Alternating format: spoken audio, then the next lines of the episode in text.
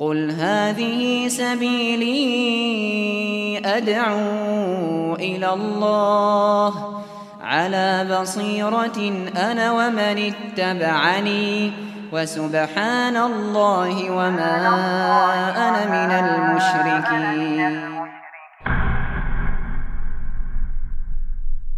بسم الله الرحمن الرحيم. الحمد لله والصلاة والسلام على رسول الله. Wa ala alihi wa man tabi'ahum bi ihsan ila yaumiddin. Allahumma anfa'na bima 'allamtana wa 'allimna ma yanfa'una wa zidna ilma. Ya, kita lihat dari bab 41 ingkar terhadap nikmat Allah. Ingkar terhadap nikmat Allah. Nanti kita lihat lagi yang ke-42 larangan menjadikan sekutu bagi Allah. Lalu 43 orang yang tidak rela bersumpah dengan nama Allah. Tiga bab langsung.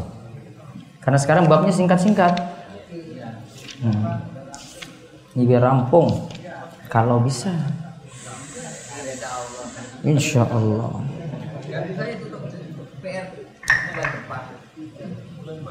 Nanti insya Allah ada lagi kelanjutannya sebelum Ramadan ada sekaligus nanti pembahasan puasa. Mau bayar apa gratis?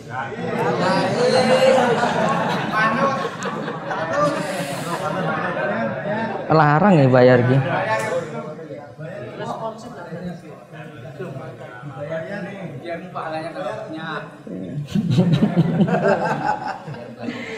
ingkar terhadap nikmat Allah atau Syekh Muhammad itu membawakan judul bab bab qaulillahi ta'ala bab firman Allah ta'ala ya'rifuna nikmatallahi summa yungkirunaha wa aksaruhumul kafirun Bab firman Allah mereka mengetahui nikmat Allah kemudian mereka itu mengingkarinya dan kebanyakan mereka itu kufur. Bab ini kaitannya apa? Ditulis bab ini membicarakan tentang hendaknya kita menyandarkan nikmat itu kepada Allah. hendaklah menyandarkan nikmat itu kepada Allah.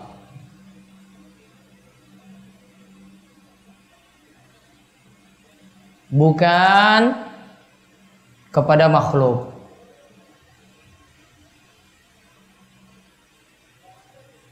Bukan kepada makhluk atau diri sendiri.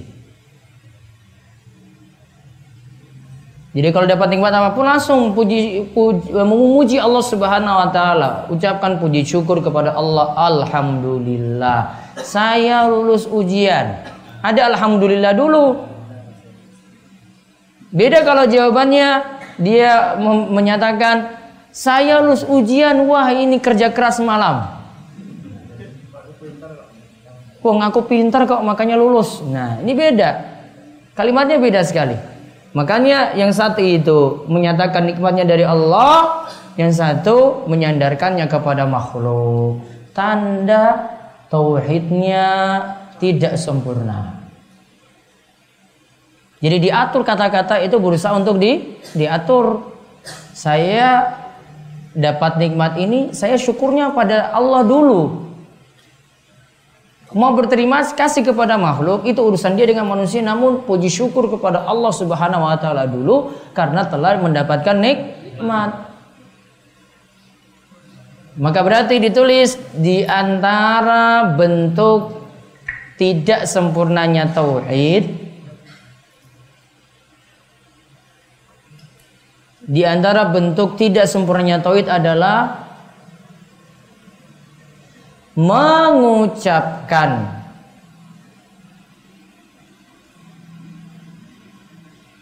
perkataan-perkataan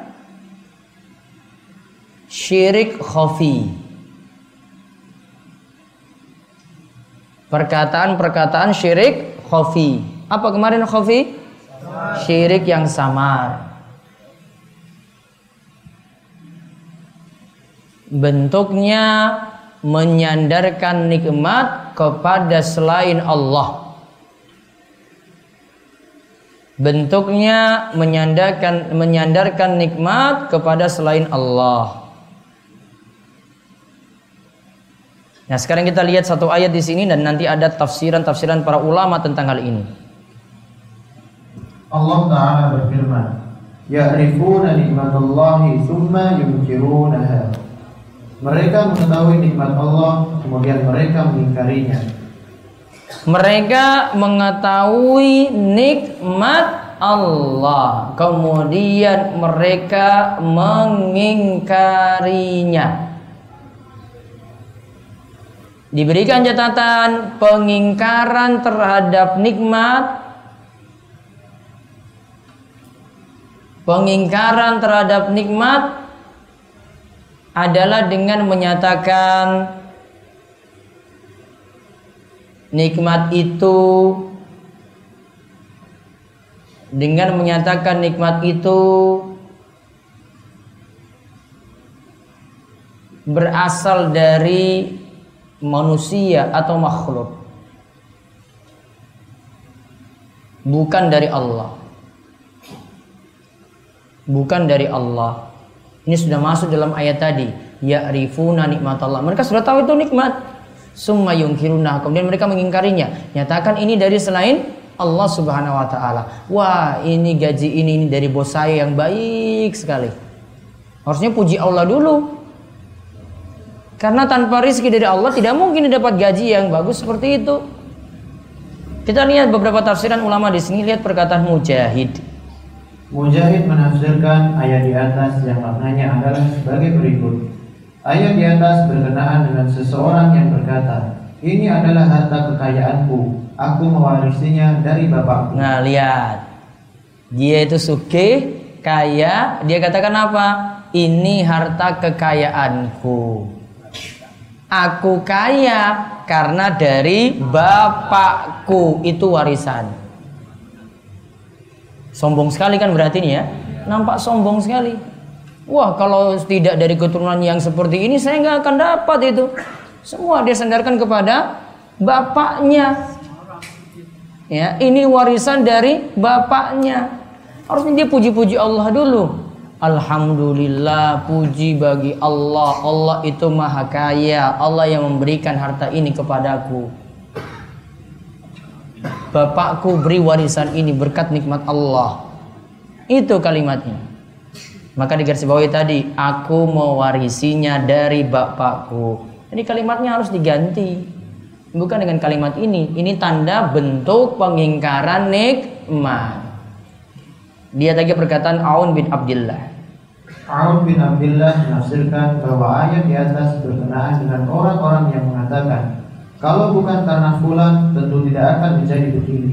Laula fulan lam yakun kada.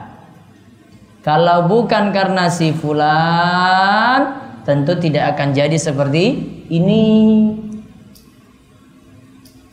Kalimat ini mungkin diucapkan itu mudah sekali keluar. Namun ini perlu diatur kata-katanya. Sebenarnya bukan karena dia, Misalnya kita katakan, ah beruntung sekali ada kamu di sini.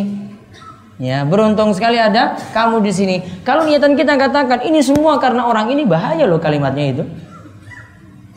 Namun mudah-mudahan itu bukan maksudnya seperti itu. Ini tetap nikmat dari Allah. Namun baiknya kata-kata ini tidak keluar. Ya, kalimatnya yang bagusnya gimana? Puji Allah dulu, syukur, alhamdulillah. Kamu juga pas ada di sini. Ya, kamu juga pas ada di sini, dia ikutan berarti tetap memuji Allah. Contoh lagi Kutaibah berkata. Kutaibah berkata, mereka mengatakan semua ini berkat bantuan sembahan-sembahan kita. Nah, ini kalau orang musyrik dapat nikmat tadi, sugih tadi, kaya tadi, ini karena sesembahan-sembahan yang mereka agung-agungkan.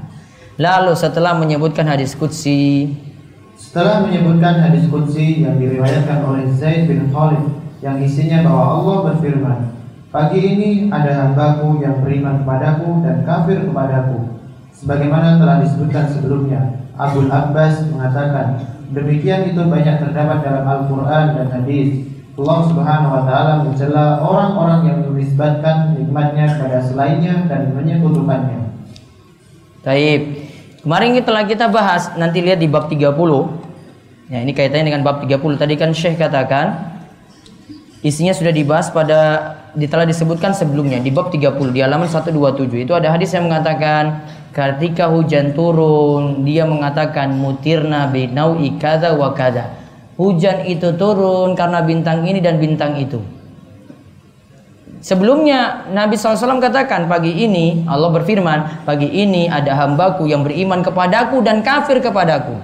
Karena apa? Hujan itu turun, dia katakan hujan itu ada turun karena sebab bintang ini dan bintang itu. Seolah-olah melepaskan diri dari kuasa Allah. Kalimat ini nggak boleh Harusnya kalimatnya gimana? Ya, kalau hujan itu telah turun kita katakan mutirna bifadlillahi wa rahmati. Sebagaimana kalau hujan itu sedang turun, ya kita bersyukur pada Allah kita katakan Allahumma sayyiban nafi'a. Ya Allah turunkanlah hujan yang bermanfaat. Ketika hujannya sudah rampung selesai, kita katakan mutirna bifadlillahi wa rahmatihi. Hujan ini turun kepada kami atas karunia dan rahmat dari Allah Subhanahu wa taala, bukan karena sebab ada bintang ini dan bintang itu, namun ini adalah karunia dari Allah. Sebagian salaf mengatakan. Sebagian salaf mengatakan seperti halnya ucapan orang yang mengatakan anginnya enak nakodanya mahir dan perkataan-perkataan lain yang biasa terlontar dari mulut orang banyak. Ketika kapalnya jalannya itu cepat, nggak ada halangan, yang dipuji-puji itu angin. Anginnya enak sekali. Yang dipuji-puji, wah nakodanya itu mahir.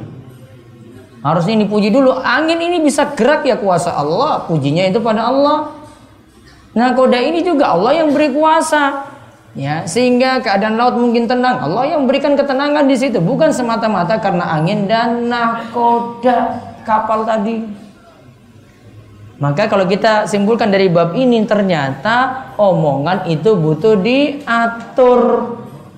Nggak sembarangan kita itu mengucapkan karena ini karena ini karena ini namun butuh di diatur dan tanda orang itu tauhidnya itu bagus ketika segala sesuatu dia sandarkan kepada Allah. Banyak sekali dia ucapkan alhamdulillah.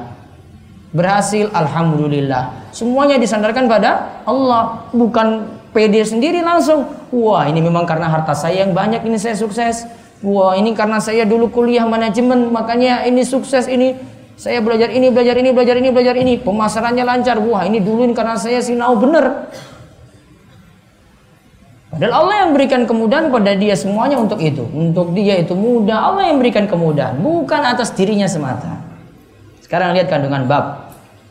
Kandungan bab. Satu. Pengertian mengetahui nikmat Allah tetapi kemudian mengingkarinya. Nah, mengetahui nikmat Allah kemudian mengingkarinya. Apa bentuk pengingkarannya tadi? Menyandarkan nikmat tadi kepada selain Allah. Menyandarkan nikmat tadi kepada selain Allah. Dua. Perbuatan tersebut banyak terlontar dari lisan kebanyakan orang. Maka lisan itu butuh dijaga. Dan ini di antara bentuk ketergelinciran lisan. Afatul lisan bahasa Arabnya di antara bentuk ketergelinciran lisan itu dalam hal ini. Yang ketiga, Ucapan seperti di atas termasuk perbuatan ingkar terhadap nikmat Allah. Nah, perbuatan menyandarkan nikmat kepada selain Allah termasuk berarti mengingkari nikmat Allah. Yang keempat, dua perkara yang saling kontradiktif mengetahui nikmat Allah akan tetapi mengingkarinya bisa terjadi dalam hati seseorang. Nah, kita bisa melakukan dua hal yang kontradiktif. Kita sudah tahu ini nikmat ini dari Allah, namun kita malah sanjung-sanjung selain Allah. Wallahu alam. Sampai di situ istirahat 5 menit dulu.